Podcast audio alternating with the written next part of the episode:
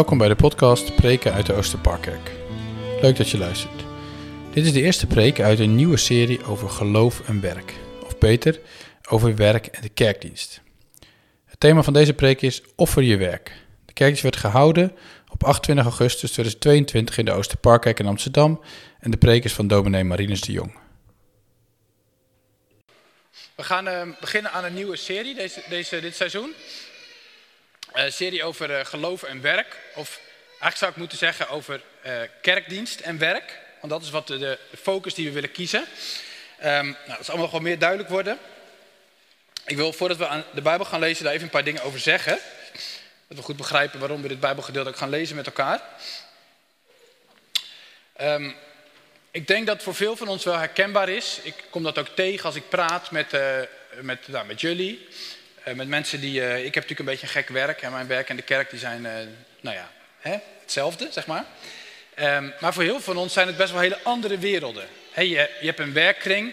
Maandag, dinsdag, woensdag, donderdag, vrijdag, misschien minder.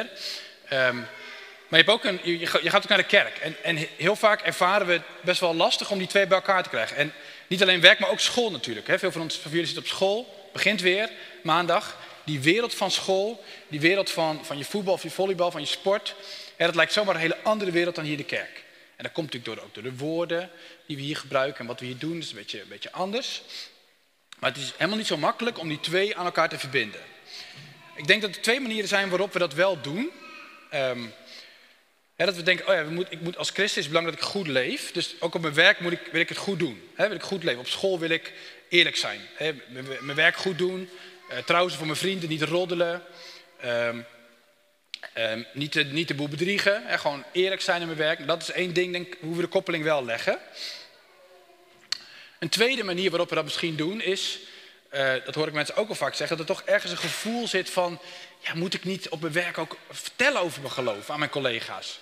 He, er zijn ook genoeg mensen onder ons die, die, die eigenlijk helemaal niet zeggen dat ze christen zijn, of dat mensen het helemaal niet goed weten, of sommigen maar. Maar he, bij anderen is er ook weer een gevoel van, misschien moet dat eigenlijk wel. Of misschien zou ik een gebedsgroep moeten hebben op mijn werk. Um, daar zit ook wel een bepaalde ongemakkelijkheid, misschien schaamte soms. Um,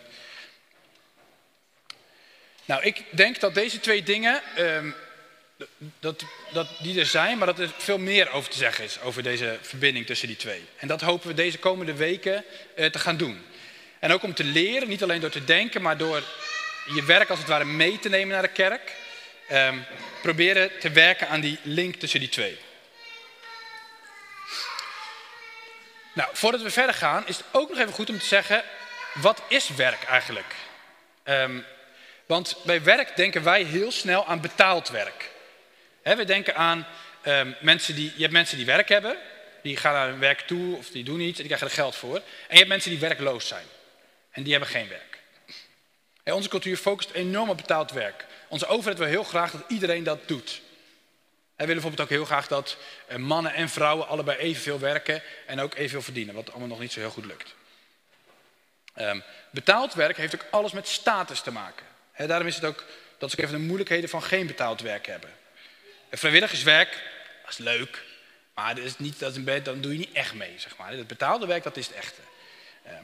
Dan zit je zeg maar goed, ben je normaal. En de andere ben je toch een beetje, ben je arbeidsongeschikt, ben je werkloos. Er ontbreekt iets aan je. Um, de komende weken, als we gaan praten over werk, wil ik praten over werk in de brede zin van het woord. Niet alleen betaald werk, maar werk in de zin van alles wat wij mensen doen. Als, als het goed is, hebben we hier niet dat we het zorgen uh, voor een kind, voor jouw kind, het zorgen voor je zieke moeder, um, het vrijwilligerswerk dat je hier in de kerk misschien doet, um, de, de, de toiletten die je in je eigen huis schoonmaakt. Al die dingen, naar school toe gaan, je huiswerk maken, zijn net zo goed werk als dat betaalde werk wat in onze cultuur, in onze samenleving veel meer status heeft.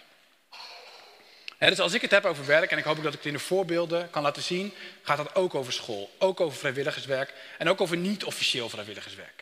He, gewoon de dingen die je doet. En misschien heb je geen baan, en natuurlijk is dat ook, kan het ook moeilijk zijn, um, maar we doen allemaal dingen. We zetten ons in op de manier waarop we dat kunnen. Uh, voor elkaar, voor mensen om je heen. En um, nou, dat is allemaal wat we bedoelen als we spreken over werk.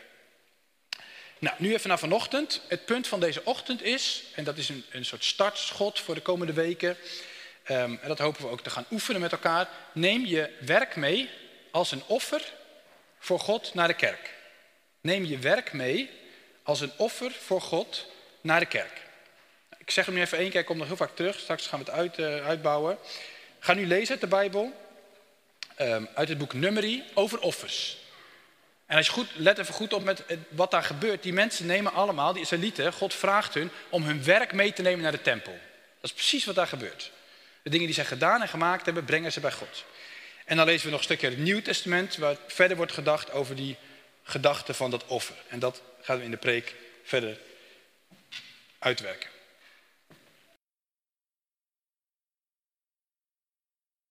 We lezen uit uh, Leviticus 23, vers 1 tot 14, tot en met 14.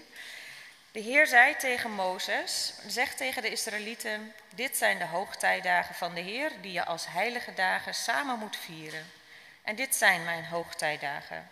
Zes dagen kun je werken, maar de zevende dag is het Sabbat, een dag van volstrekte rust die je als heilige dag samen moet vieren. En je mag die dag geen enkele bezigheid verrichten. Waar je ook woont, het moet een rustdag zijn die aan de Heer gewijd is. En dit zijn de hoogtijdagen van de Heer die je als heilige dagen samen moet vieren, elk op de aangewezen tijd. Op de veertiende dag van de eerste maand wordt ter ere van de Heer het Pesachoffer bereid in de avondschemer. En op de vijftiende dag van die maand begint ter ere van de Heer het feest van het ongedezemde brood. Zeven dagen lang moeten jullie dan ongedezemd brood eten. De eerste dag moet je als heilige dag samen vieren en je mag dan niet werken. En elk van de zeven dagen moeten jullie de Heer een offergave aanbieden. De zevende dag moet je opnieuw als heilige dag samen vieren en ook dan mag je niet werken. En de Heer zei tegen Mozes, zeg tegen de Israëlieten, wanneer jullie eenmaal in het land zijn dat ik jullie zal geven en je daar de oogst binnenhaalt, moeten jullie de eerste schoof van je gerstenoogst naar de priester brengen. De priester moet de schoof ten overstaan van de Heer omhoog heffen, opdat die als offer zal worden aanvaard. De priester moet de schoof omhoog heffen op de dag na de Sabbat. En op de dag dat de schoof wordt aangeboden, moeten jullie ook een eenjarige ram zonder enig gebrek als brandoffer aan de Heer opdragen, met het bijbehorende graanoffer van twee tiende eva tarwebloem, vermengd met olijfolie, als een geurige gave die de Heer behaagt, en het bijbehorende wijnoffer van een kwart hin wijn.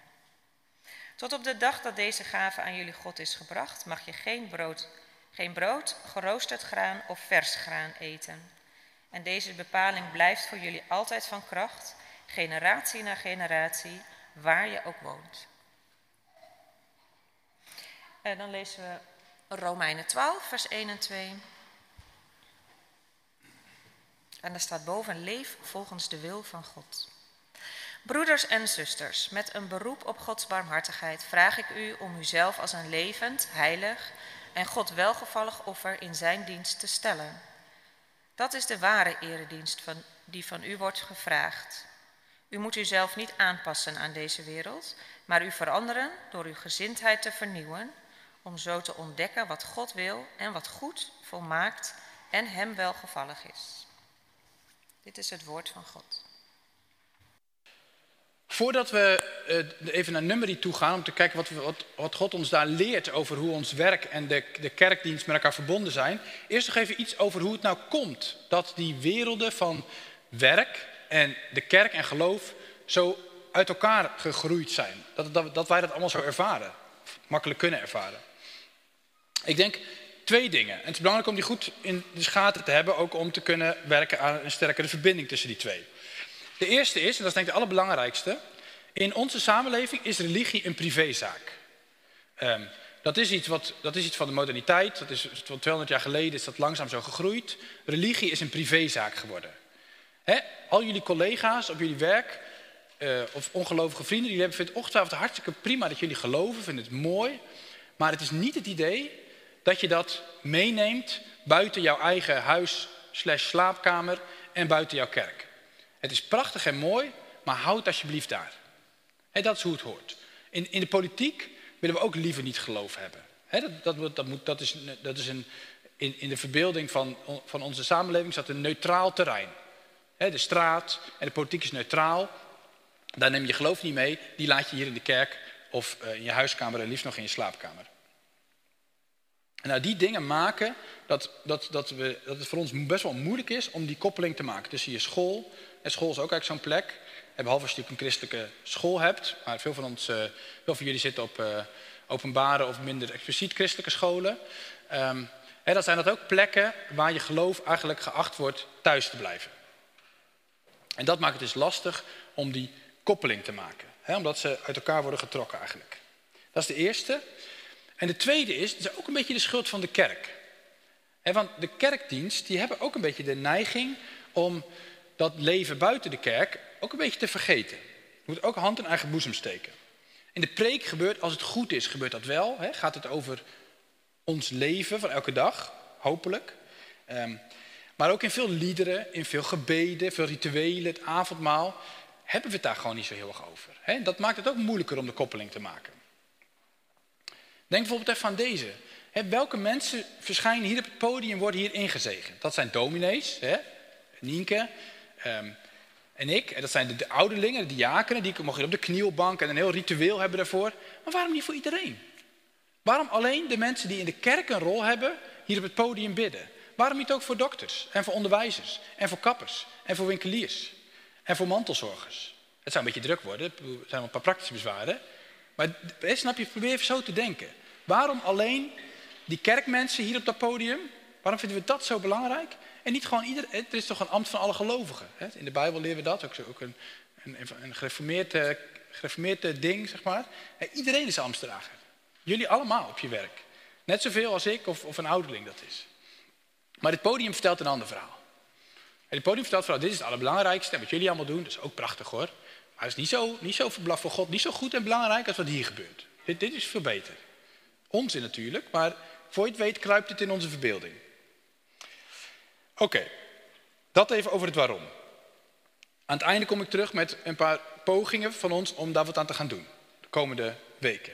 Maar eerst naar de schrift toe, naar uh, Leviticus, dat we net hebben gelezen. Die offers. Nou, vaak vinden wij die offers een beetje ingewikkeld. Hè? Dat zijn de hoofdstukken die als je thuis de Bijbel leest liever overslaat. Of uh, denk van, nou ja, graanoffers, uh, hin, Eva, omer, geen flauw idee. Het, wat, wat, het staat ver van ons af, hè, deze dingen. Um, toch denk ik dat er heel veel in zit, precies voor dit punt. Hè, dit, deze verbinding tussen ons werk en de kerkdienst.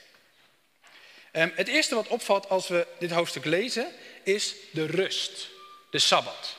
Hè, God geeft wetten en hij zegt niet, je moet allemaal dingen doen. God zegt, je moet niks doen. Eén dag per week moet je stoppen met werken. Niks doen. Neem afstand, breng een ritme aan in je week van zes dagen je druk maken, rennen, vliegen en doen. En de zevende dag stoppen met werken. God zegt niet doe iets, God zegt doe niets. Ik moet even denken aan de preek van dominee Jan uh, voor de zomer. Die korte serie die we hadden. Um, over God die zegt van ga gewoon slapen, ga gewoon relaxen, ga gewoon niks doen. dat, is, dat is precies dat punt. Dat zegt God hier ook. als God wetten gaat geven, begint hij met te zeggen stop met dingen doen. En het ritme wat God geeft, is niet een ritme wat komt uit een soort kerkelijk jaar, wat we nu hier in de kerk wel doen. Dus kerst en advent, dat bepaalt het ritme van de kerk. Nee, de kalender van Israël werd bepaald door de werkkalender. En je moet je voorstellen, het was een agrarische samenleving. Bijna iedereen was, werkte als boer. Het was de oogstfeesten die bepaalden wanneer er feesten in de tempel waren. Pasen en Pinksteren zijn eigenlijk ouderwetse oogstfeesten, allebei dus dat is het, het, moment dat het werk klaar is. Dan ga je naar de tempel en is er een religieus feest. Zeg maar. Dus eigenlijk zou dat betekenen dat we niet, eh, dat we bij ons eigenlijk een, een, een, een kerkelijk feest zouden moeten hebben. Nu, aan het begin van het, kerkelijk, van het seizoen. De scholen beginnen weer, iedereen gaat werken. Of misschien uh, aan het einde van het boekjaar. Eind december of begin januari, als alles, uh, alle begrotingen en dingen weer. Ik, ik ga zeg vast dingen een beetje verkeerd nu hoor, maar alle rekeningen en begrotingen weer klaar zijn dan, je rondt iets af en, en, en, en, dan breng je die dingen bij God voor een, voor, voor een feest. Dus dat is hoe het ging in Israël. een enorme koppeling van het agrarische leven, je werkleven en dat leven in de tempel.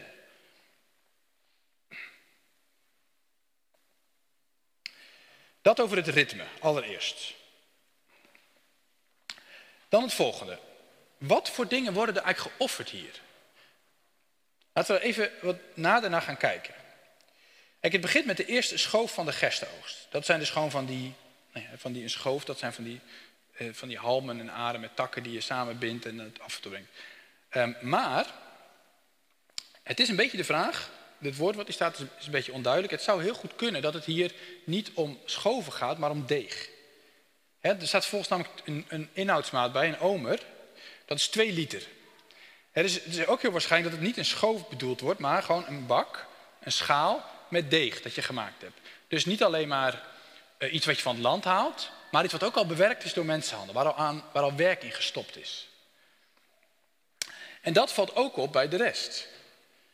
Um, er is een ram, waar, wat een ontzettend waardevol iets was. Het is de mooiste ram uit je kudde, die je het liefst zou willen gebruiken uh, om weer nieuwe uh, schapen en uh, lammeren te hebben. Heel belangrijk voor de economie. Een heel duur beest die zou kunnen opeten, die zou kunnen verkopen. Die, die moet naar de tempel. En dan die verdere dingen. gaat het over tarwebloem met olijfolie. Dus eerst gerst en nu tarwe. 4 liter. Een flinke bak. Um, en hier weer, dit is weer bewerkt, hè? dit is bloem. Dus dit is niet maar een schoof, nee, het is uh, gedorst, het is gemalen, het is gekneed en gemengd met olie en misschien ook wel met water. Uh, dus er zit hier allemaal werk in, in die dingen die hier liggen. In die ram zit heel veel werk, in dat deeg en als laatste wijn. Een kwart in wijn, dat is een liter wijn, dat is een fles. Jeroen, waar ben je? Een mooie grote fles wijn. Die werd daar gebracht. Um, en een fles wijn, uh, Jeroen kan je er alles over vertellen, dat is niet zomaar gemaakt. Dat zijn druiven, die moeten geperst worden. Die moeten, nou, ik, ik zal ophouden voordat ik iets doms zeg. Maar, hè, maar er zit een hoop werk in. En misschien moet u, heeft u er wel een tijdje gelegen ook. Hè, dus kortom, we brengen niet de dingen van het land direct. Nee, er wordt eerst gewerkt aan al die dingen. Gekneed, uh, weet ik wat allemaal. En dan wordt het naar de tempel gebracht. Hè, dus het is de vrucht van werk van onze handen. Waarvan God zegt, die moet je brengen naar mijn tempel. Niet alleen maar de dingen van het land. Israël leert om het beste van hun dagelijkse werk bij God te brengen. En niet dingen van symbolische waarde, nee, dingen van serieuze economische waarde. Zo'n ram en zo'n paar liter, dat, dat stelde iets voor. En veel van die dingen gingen gewoon helemaal in de fik. Die ram, um, soms heb je offers dat er een deel wordt gegeten. Die ram die ging gewoon op het brandoffer en die verdween volledig. En dat gold ook voor die gerst en die wijn. He, dus dat kostbare ding waar je heel hard voor gewerkt hebt, zie je dat in je tempel gewoon in vlammen opgaan. En dat het ruikt niet lekker. Het stinkt. Verschrikkelijk zelfs.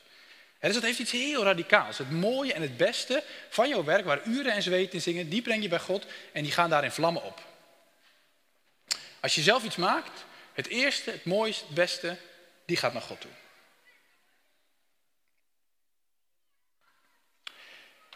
Drie. We hebben het ritme gezien, het wat wordt er geofferd en nu waarom worden die dingen geofferd. Nou, dat staat in vers 13 en dat is eigenlijk een prachtig woord. Het is een geurige gave die de Heer behaagt.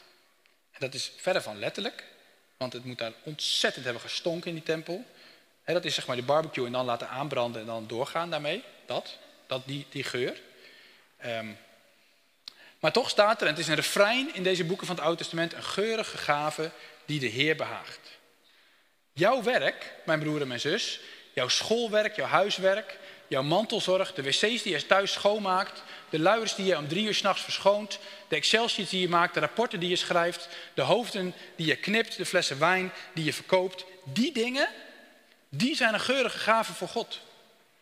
Die dingen die jij maakt, in zichzelf.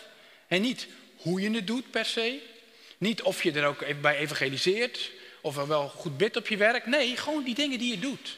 Die dingen in zichzelf. Die zijn een geurige gave die de Heer behaagt. Dat is wat hij hier laat zien. Die worden bij God gebracht en helemaal verbrand op te symboliseren ze zijn voor Hem.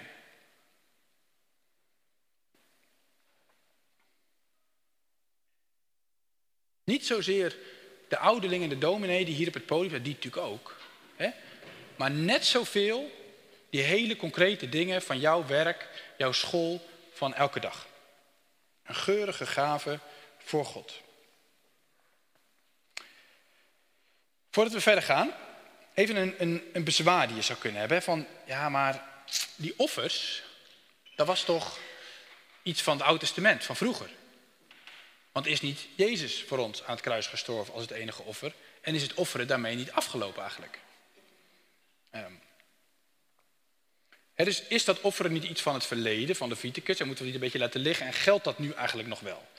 Nou, laat ik daar dit over zeggen. Um, het is ja en nee. In Hebreeën 9 lezen we over, Christus was zelf het offer. En daarom zijn al die dingen van vroeger, van, het, van, van de Israëlieten, zijn schaduwachtige gebruiken. Die wezen vooruit naar het offer van Jezus. Dus op een bepaalde manier, wij hoeven niet meer deze wetten te doen en letterlijk, uh, hier in de er staat hier geen altaar. En dat is al zo'n 2000 jaar zijn we daarmee opgehouden, met dingen in de fik steken. Dus dat, dat is voorbij. Dat klopt. Dus in dat opzicht ja. want Jezus is zelf daar als, een, als zo'n ram gestorven aan het kruis. De eerstgeborene uh, en mooiste van Gods schepping. Maar het is ook nee, dat is Romeinen 12, dat we net lazen. want dat woord offer, dat laat, wordt niet losgelaten. Romeinen 12 zegt, stel jezelf als een waar en levend God welgevallig offer. Stel jezelf als een levend en God welgevallig, daar is die weer, hè, die lekkere geur voor God. Stel jezelf als een offer voor God. eigenlijk is het een radicalisering. Het is eigenlijk niet, niet dus breng maar die spulletjes en leg, breng die in de fik. Nee, ga daar zelf op liggen, op dat offer.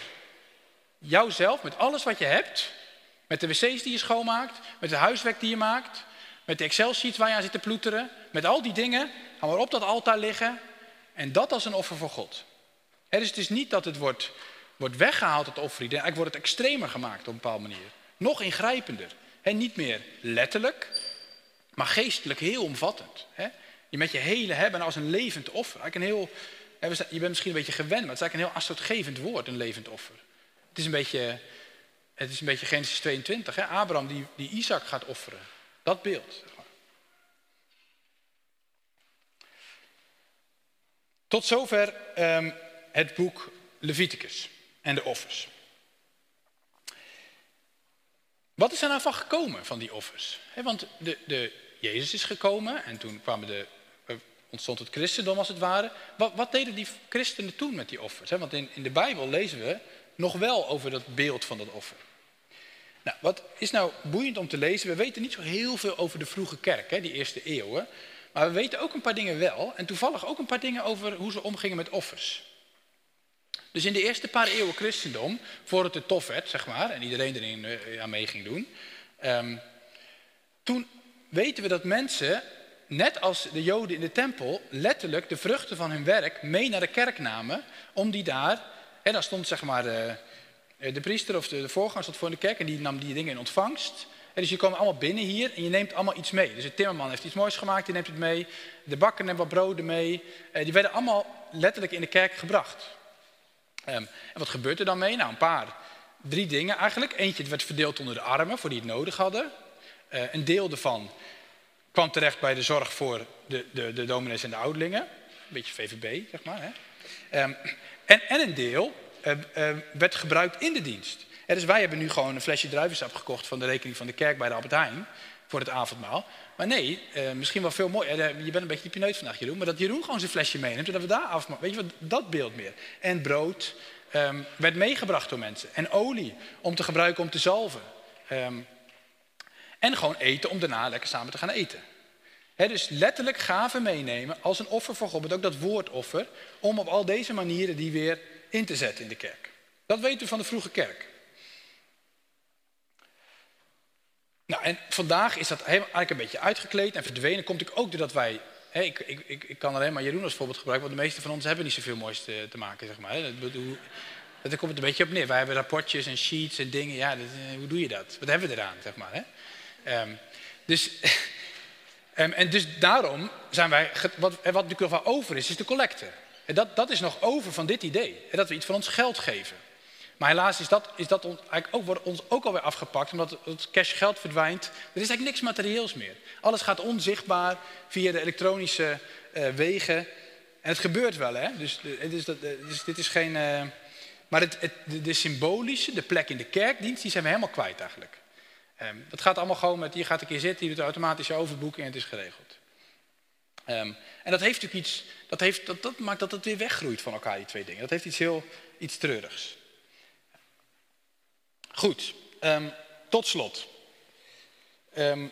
de centrale gedachte van vanochtend is de gedachte om je werk als een offer voor God te zien, een geurige gave voor God, werk in de brede zin, en die dus ook mee te nemen naar de kerk.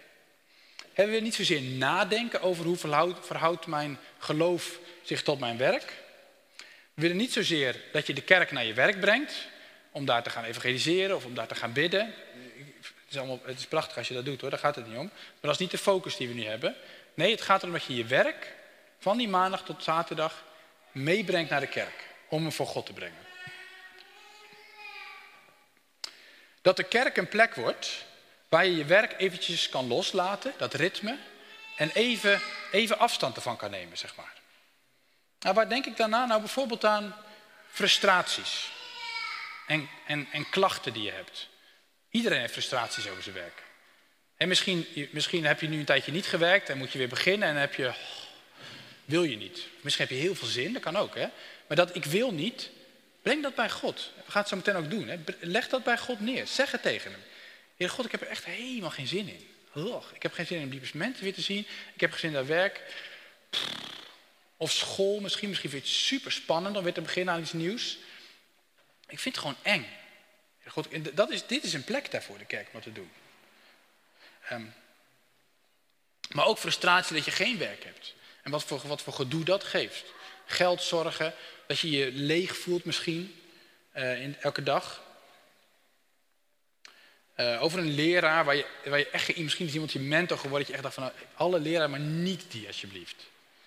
He, zulke gedachten, die kan je tegen je moeder zeggen, tegen je vrienden, maar die kun je ook tegen God zeggen. En laten we dat oefenen om in de kerk te doen. Maar ook natuurlijk mooie dingen. Misschien begin je aan een nieuwe baan waar je ontzettend veel zin in hebt. Zeg dat tegen God. Heer, ik ben super blij met die baan die ik heb gekregen. Fantastisch. Of ik heb heel veel zin in een nieuwe opleiding die ik ga doen. Ga naar een andere school, je vindt het hartstikke leuk. Um, of over een toets die je gaat, of een promotie die je krijgt.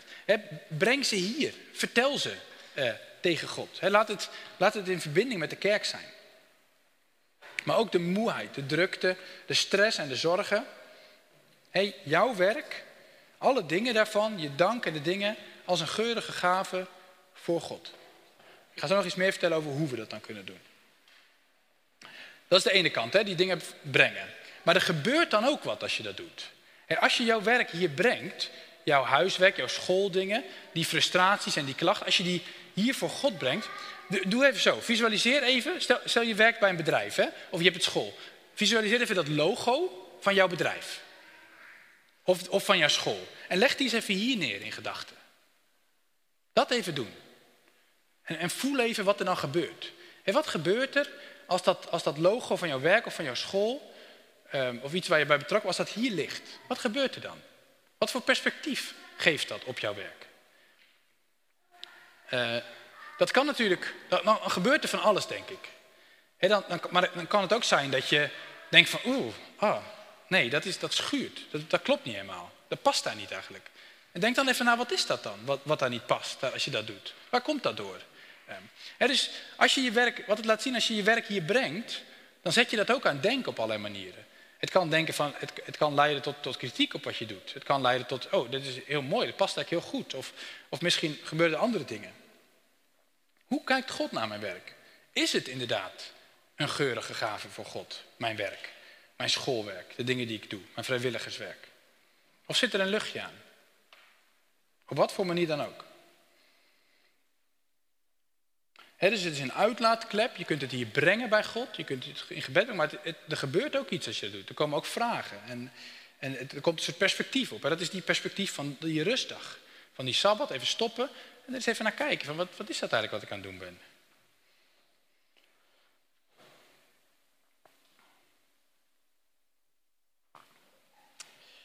Nou, de komende weken hopen we te gaan oefenen in dit meenemen van je werk naar de kerk. En niet om er daarna mee te stoppen natuurlijk, maar om dat deel te maken van ons leven in de kerk.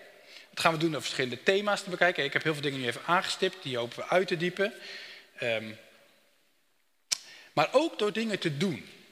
En dat is misschien nog wel het belangrijkste. Nou, ik heb al even gezegd, concrete dingen meenemen is best lastig. Ik zou het wel mooi vinden om het te proberen, om daar eens over na te denken. Hoeft niet per se nu of volgende week, maar denk dat kun je misschien wel iets meenemen. Zou het niet mooi zijn om die logo's hier echt te zien?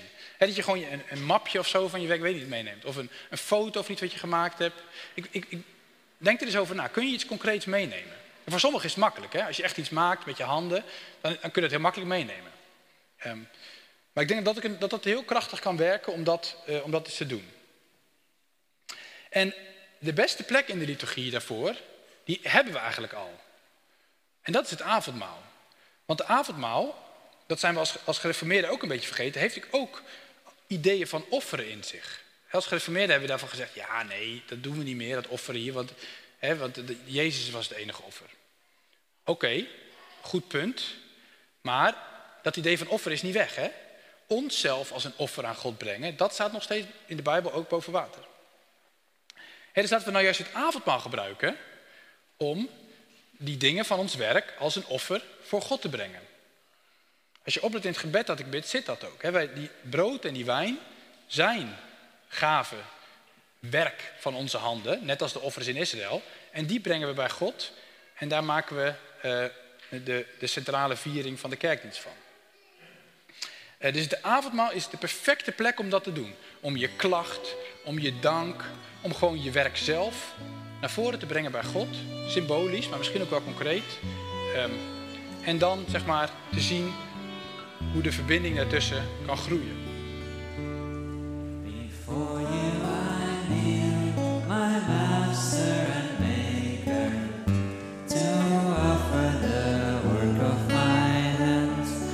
This is the day you've given your.